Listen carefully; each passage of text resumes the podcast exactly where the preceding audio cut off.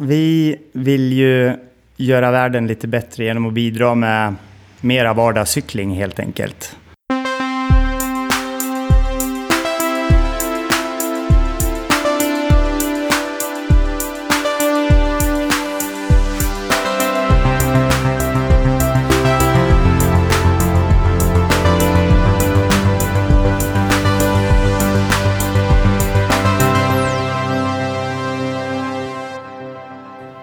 Tillbaka med Heja Framtiden, podden med mig, Christian von Essen. Jag sitter i min kitchen studio på Roslagsgatan 23 i Stockholm. Kanske årets vidrigaste dag. Vad säger Thomas Granqvist? Ja, idag är man lite svag som cyklist när det spöregnar så här. Eh, Så att jag var ju skyblöt när jag kom in här genom dörren. Mm, tur att det är så mysigt här. Men vi ska försöka prata om något mer trevligt här. Thomas Granqvist är alltså vd och grundare för något som heter Mio. En eh, cykelstartup eh, cykel-startup kan man säga. Eller cykelservice startup kanske man ska säga. Ja, vi vill ju göra världen lite bättre genom att bidra med mera vardagscykling helt enkelt. Korta presentationen av bolaget är att vi kör ett Apple Care och support för cyklar. Vi ser att eh, när e-handeln växer så det knakar så försvinner det fler och fler kvarterscykelhandlare. Och det gör att det bildas ett glapp mellan producenter och konsumenter. Här ser vi att vi kan göra nytta genom att erbjuda cykelservicetjänster för de som bara vill att cykeln ska funka helt enkelt. Just det. Och det här har nått på mig två, tre år nu snart. Ja, strax tre år sedan vi släppte appen. Och det är alltså Mio med två O. Ja. Jag antar att ni ville ha två O för att man kunde göra cykel av det. Ja, det stämmer. Det är ju, vi, när vi startade appen så utgick vi från eh, bilindustrin som har My Toyota och My Kia och sådär som appar där man har allting om sin bil. Och då tyckte vi att min på italienska då, Mio, passade bra. Och så blir det två, två fina cirklar som bildar två hjul. Mm. Det smart. Och du kommer ifrån eh, tävlingscykelhållet från början. Ja, det stämmer. När det... blev du biten liksom? Jag använde cykeln när jag var ung till nästan allt. Uppvuxen i Hälsingland ute på landet och enda sättet där att ta sig någonstans egentligen var med cykel. Så att skulle man iväg och spela fotboll eller tennis eller vara med kompisar då var det cykeln som gällde. Det fanns ingen kollektivtrafik där uppe. Jag hade satsningar på utförsåkning från början men halkade in på cykelgymnasiet nere i Skara. Och började gå där och var nästan eh, utgånget datum för att bli proffscyklist. Men då tog jag tillfället i akt och liftade ner med en lastbil till Italien då. När jag var 21 år. Och sen ja, blev jag kvar där nere i sex år. Tävlade i landslaget, körde internationellt på, i fyra kontinenter över 30 länder innan jag kom hem då. Oj. Alltså svenska landslaget? Ja, mm. precis. Häftigt. Mm. Och, och sen eh, pensionerade du dig då som cyklist? Sen pensionerade jag mig och eh, tänkte väl att jag aldrig skulle se en cykel igen. Jag var, jag var rätt så eh, nöjd med de milen jag hade fått i benen så långt. Och eh, det var först när jag började jobba, jag jobbade för ett hälsoutvecklingsföretag som gjorde hälsoprofiler. Och så såg jag att olika typer av vardagsmotion som att gå och cykla till jobbet var ju det som faktiskt gav de som hade sämst kondition en kick framåt. Och i samband med det här också så hade jag själv en tjänstebil som jag åkte runt med och gjorde de här jobben. Och insåg snart att det var mer effektivt att röra sig runt i en stad med en cykel. Så att då började jag cykla. Och sen eh, konverterade jag då ifrån trikåcyklist egentligen till cykelpendlare. Då. I och med det här så började jag se möjligheter att starta upp ett bolag. Så då startade vi ett bolag 2010. Jag tillsammans med min bror.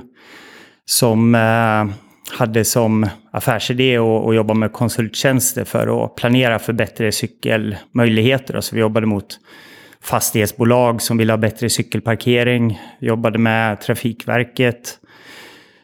eh, jobbade med olika kommuner och initiativ. Så vi var med och startade upp en cykelgrupp på riksdagen och, och sådär. Och under de här åren så hamnade vi i ett projekt där vi erbjöd mobilcykelservice ute i Kista. Och innan vi visste ordet av så hade det där vuxit förbi konsultverksamheten och sen servade tiotusentals cyklar i hela Sverige och fick eh, upphandlingen med Postnord så att vi servade hela deras flotta också. Och, ja, så att det ena ledde till det andra. Mm. Och, och sen så sålde ni det 2017? Ja, det stämmer. Vi Postnordcyklarna det är Monarkcyklar som ägs av Grimaldi Industri. Mm. Och de såg möjligheten då att eh, hjälpa till. Och i samband med det här så hade väl vi kommit så långt som vi tyckte att vi kunde komma med det bolaget också. Så då valde vi att sälja det till dem. Och sen eh, började du, men du kunde inte släppa det riktigt då? Att jobba i cykelbranschen vidare? Under de här åren så noterade jag hur mycket cyklar som behövde enklare typ av service. Alltså nu pratade vi, pratar vi inte om elsystem eller att man skruvar isär ett vevlager utan punkteringar, justera bromsar och växlar och sånt där. Och när vi hade som högsäsong då tog vi in ifrån cykelklubbar folk som kunde hjälpa till med de här enklare ärendena som inte kräver någon cykelmekanisk utbildning egentligen. Och såg att vi kunde rensa av väldigt många cyklar och få dem att rulla på ett enkelt sätt. Och då föddes idén om att skapa en plattform för att erbjuda de här tjänsterna. Då. Så att den låg väl och gnagde under alla år. Och sen när jag sålde bolaget och kom ut efter ett års karantän, då var det rätt tydligt att det är det här jag ska hålla på med. Mm. Då hade du suttit och väntat med dina pengar i hand och Ja, det blev, det blev ju inte jättemycket pengar att, att vila på, men det räckte i alla fall för att, för att ta idén och, och starta upp ett bolag av. Mm. Så Mio är alltså en, en apptjänst för att du dels ska kunna snabbt boka en cykelservice ja. inom 48 timmar. Ja. Och dels ska kunna då prenumerera på den tjänsten. Så att du var och en stannar, eller okej okay, det, är inte, det är inte 30 minuter så här, men men om, om du får en punktering eller kedjan hoppar, då ska du snabbt kunna få hjälp. Ja. Eh, och det ingår i ditt eh, abonnemang så att säga. Precis, och eh, det du nämner då att vi har dels tjänst att man kan boka cykel på tid och plats där man vill ha den. Ja, du kan boka en cykel? Men boka en service för en cykel. En service, ja, exakt. Mm. Och eh, sen har vi också inkluderat stöldskyddsregistrering och eh, försäkring. Så att vi har en självriskeliminering då om du är prenumerant hos Mio. Då.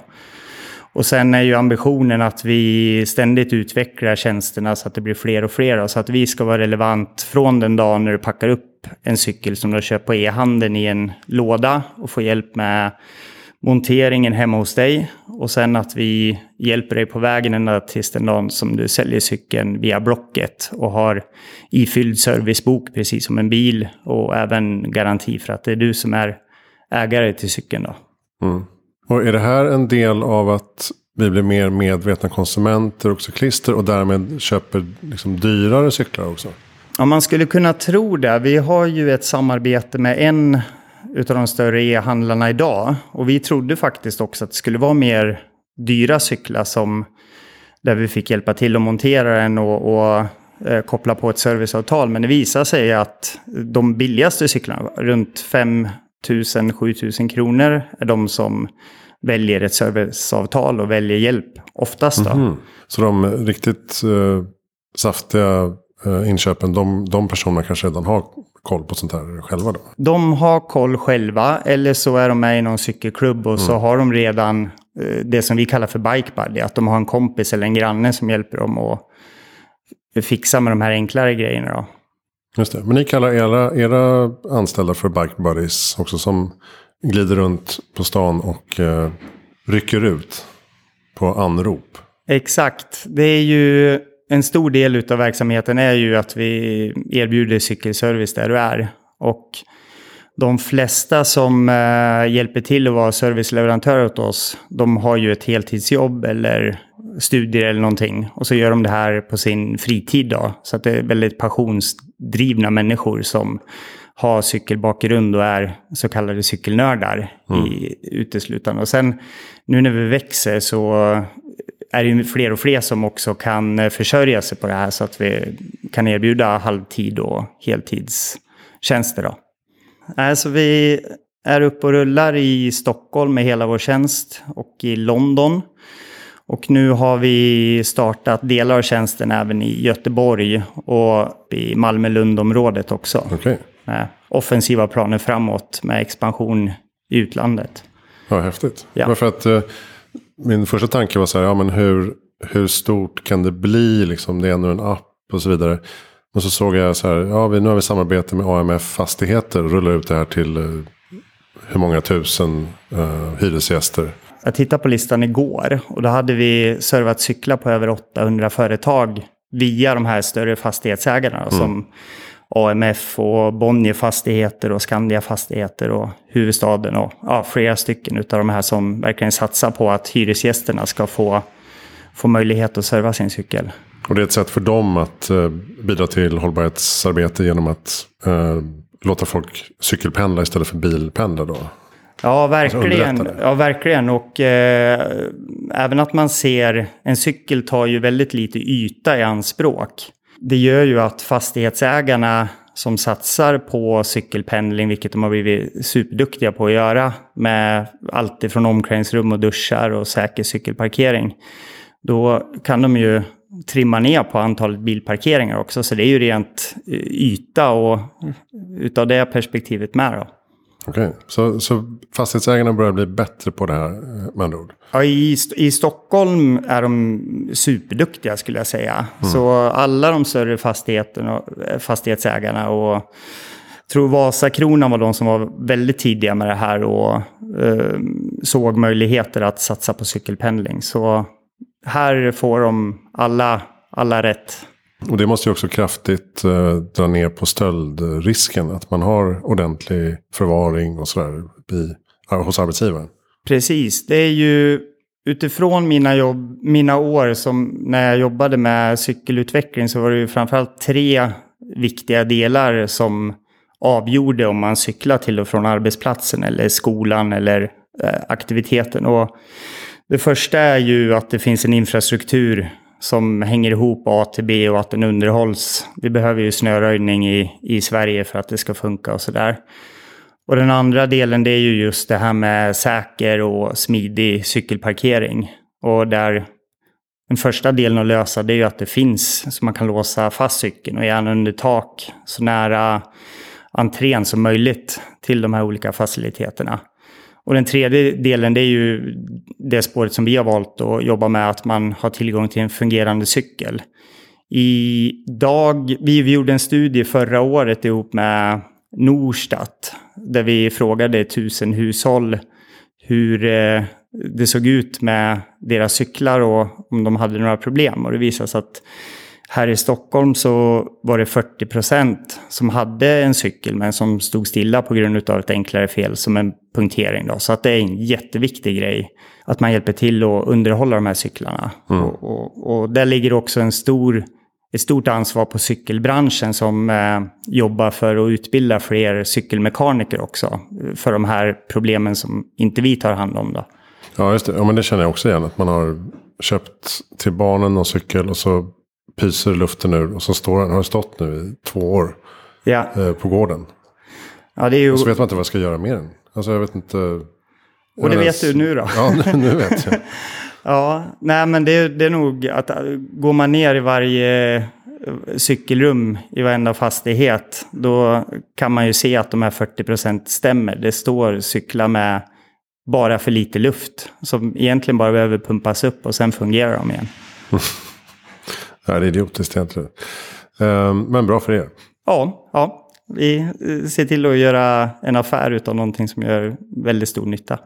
Jag gillar sådana här startups som är inne och petar på liksom ett specifikt område i det liksom cirkulära skiftet på något sätt. Där man ja. hakar på en annan bransch och eh, löser ett problem. Och sen utifrån det så vidgas paletten på något sätt. Vad, vad kan ni se framöver? Vad är det för fler tjänster ni kan erbjuda?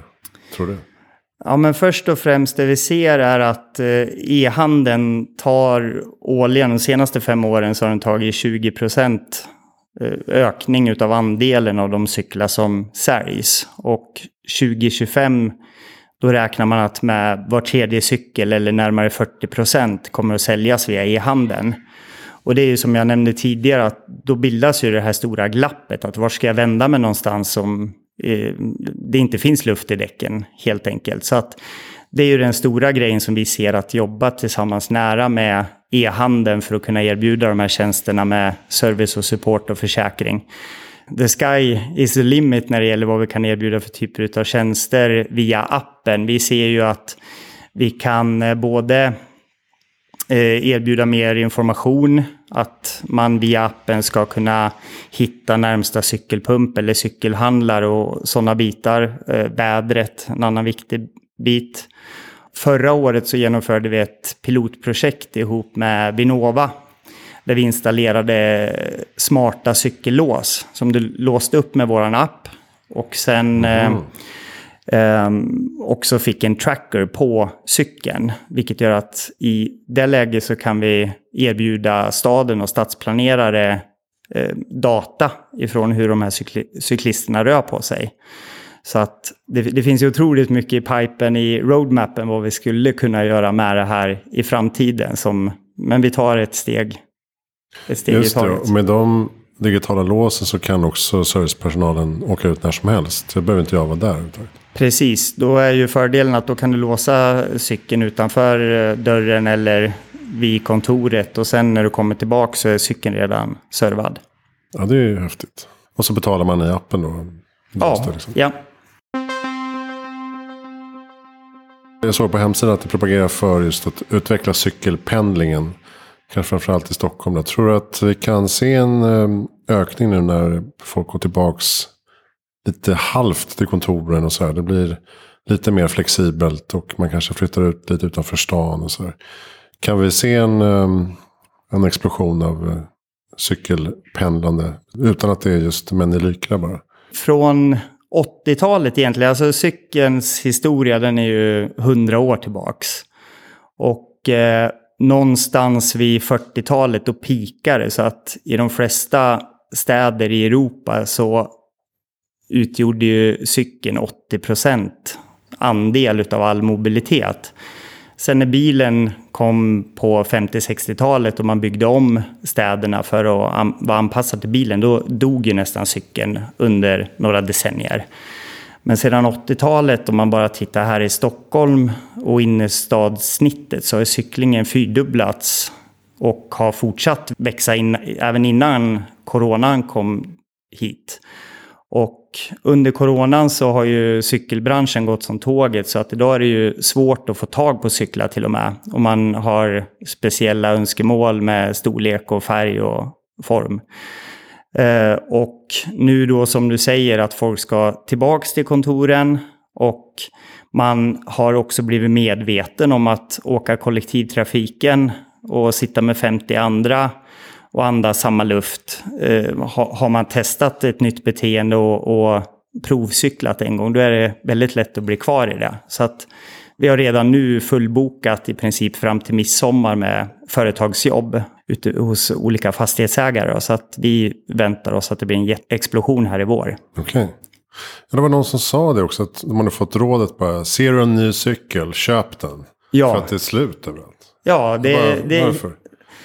Den trånga sektorn är ju inte cykelramar utan det är ju komponenter. Mm. Och jag har pratat med några producenter som har sagt att de har haft ja, upp till 85 veckor för att få rätt delar till sin cykel.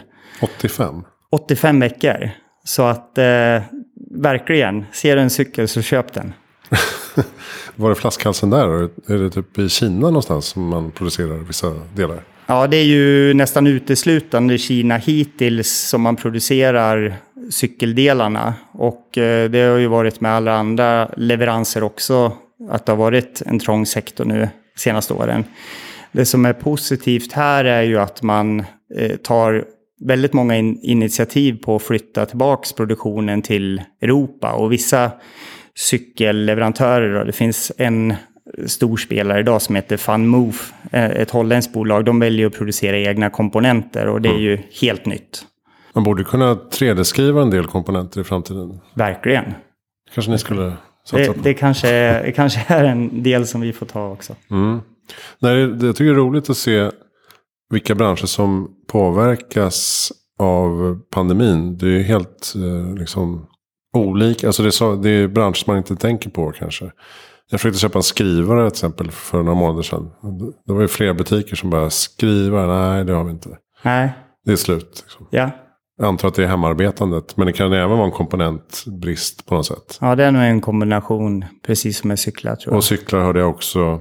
Det var någon, som, någon jag intervjuade som jobbade inom ett, med ett städföretag. Um, rengöringssprayer och sånt där. Och Ja. så tänkte jag, ja, men det måste ju vara toppen. Alla behöver mer rengöring och rengöringssprayer. Men, Ja. ja. fast den här lilla fjädern i, Ah, i um, sprayflaskan. Den kommer från typ Taiwan eller någonting. ja, Så att eh, det är hopplöst eh, med logistikkedjorna. ja. Det hade man inte tänkt sig heller.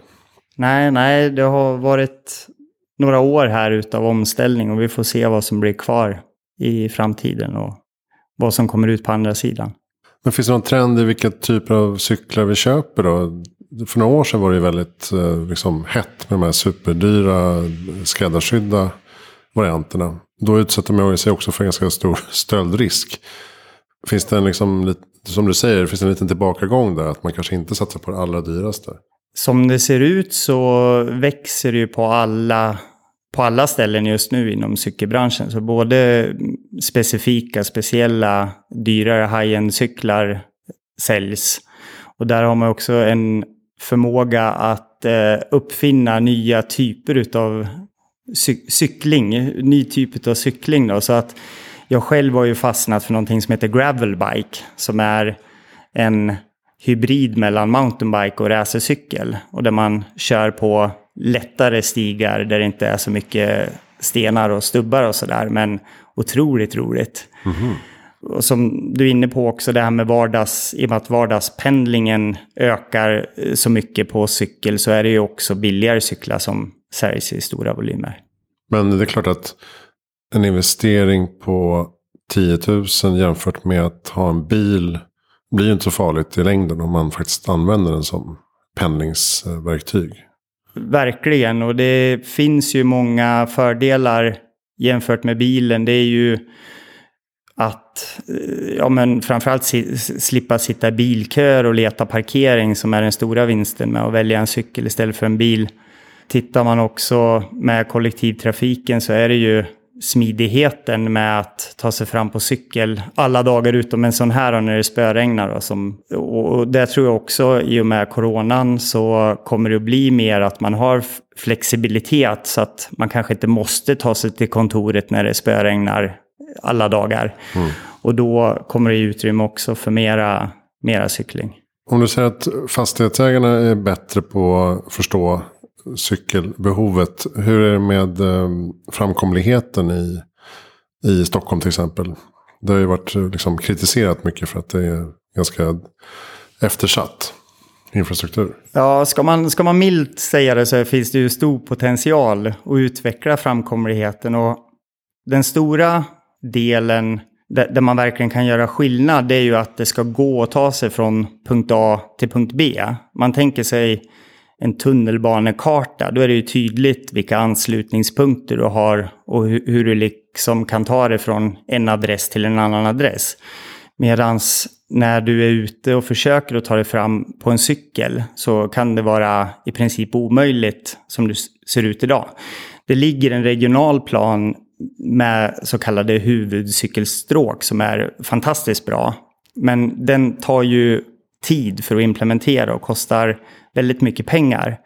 Så det man har gjort i europeiska städer under coronan, där man istället för som Stockholm har väntat på att få loss flera miljarder som det kostar att investera i riktiga cykelvägar, så har man ju istället eh, implementerat så kallade pop-up cykelvägar som egentligen är, handlar om att du ritar en cykelbana i befintlig eh, vägnät och på så sätt kan över en natt i princip ha en eh, sammanhängande cykelinfrastruktur.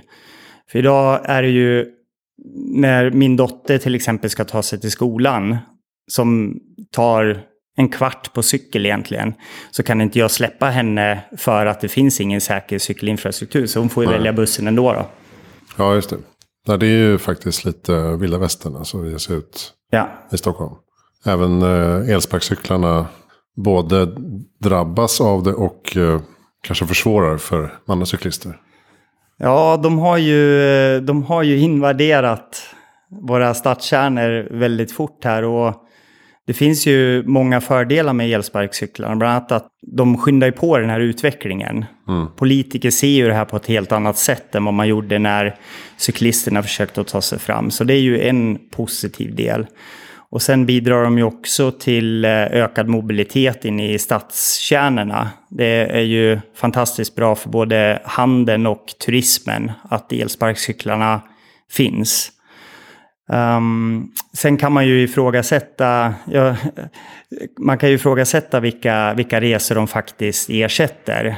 Mm. Uh, de här företagen vill ju gärna peka på att man ersätter en bilresa varje gång. Vilket så är inte fallet. De gjorde nyligen en forskarrapport ifrån ett schweiziskt eh, forskningsinstitut, ETH, där man konstaterar att substitutionsgraden för det fordon man ersätter är ju väldigt sällan bilen, utan det är snarare gång, cykel med egen cykel då, eller kollektivtrafiken som det ersätter. Summeringen där var att äga sin egen cykel eller lisa sin egen cykel är ju det bästa alternativet om man tittar ur klimatperspektiv till exempel. Och det var roligt igår för då läste jag på Dagens Industri att, att Voi eh, funderar på att börja med långtidsuthyrning av deras sparkcyklar. Så då är det bara att ge en high five och säga att de är på rätt väg. Mm. Och varför är det så mycket bättre? För då försvinner de lite mer från eh, Ja, men dels, dels har du ju hela, hela den här logistiken med att de här eh, sparkcyklarna som flyter runt i den här delningstjänsten, de måste ju både placeras ut och plockas upp ifrån någon typ av fordon. Och än så länge så har man ju inte heller lyckats knäcka gåtan i att få de här sparkcyklarna att ha någon längre hållbarhet. Men även om man skulle knäcka eh, de gåtorna med att bara köra miljövänligt när man eh, sköter logistiken och ser till att eh, de här sparkcyklarna överlever mycket längre så skulle det fortfarande vara den stora frågan vilka fordon som de ersätter egentligen. Mm. Och där man ser att äger du din egen cykel, eller leasar din cykel då, som du förmodligen kommer att kunna göra med en Voi också inom kort, så är det mycket, mycket bättre för klimatavtrycket. Mm, just det. det är ju inom till exempel Stockholms tullar så är det inte så ofta man tar bilen ändå. Så att säga.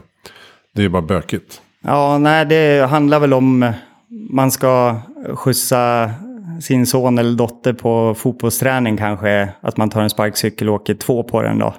Som man eventuellt ersätter en bilresa. Ja, då bryter man mot lagen och kan åka fast ja, för polisen. Ja, ja. jag, jag bor ju lite här mellan tre tunnelbanestationer. Liksom tio minuters gångväg åt vardera håll. Eh, man kan ta bussen upp till Odenplan tunnelbana. Men eh, så att om jag ska ner till centrala Stockholm så är ju sparkcyklarna oslagbara. Att jag plötsligt är ehm, mitt i city på tio minuter. Liksom. Eh, så att för mig har det inneburit stor effektivitetsökning faktiskt. Ja, men jag tror, jag tror det är där man ska lägga fokuset. Att man kommer fortare fram. Och det innebär ju att effektiviteten att röra på sig inom stadskärnan förbättras. Och som jag nämnde, även med handeln och turismen tror jag också är en jätteviktig del att sparkcyklarna finns. Den andra delen är att kan man se till att sparkcyklarna även finns i kombination där man avslutar sin resa med kollektivtrafiken så att det verkligen blir last mile som man använder mm. sparkcykeln. Mm. Där kommer den att göra nytta. Men ni är inte sugna på att erbjuda um, cykeldelning eller uthyrning eller leasing eller sånt?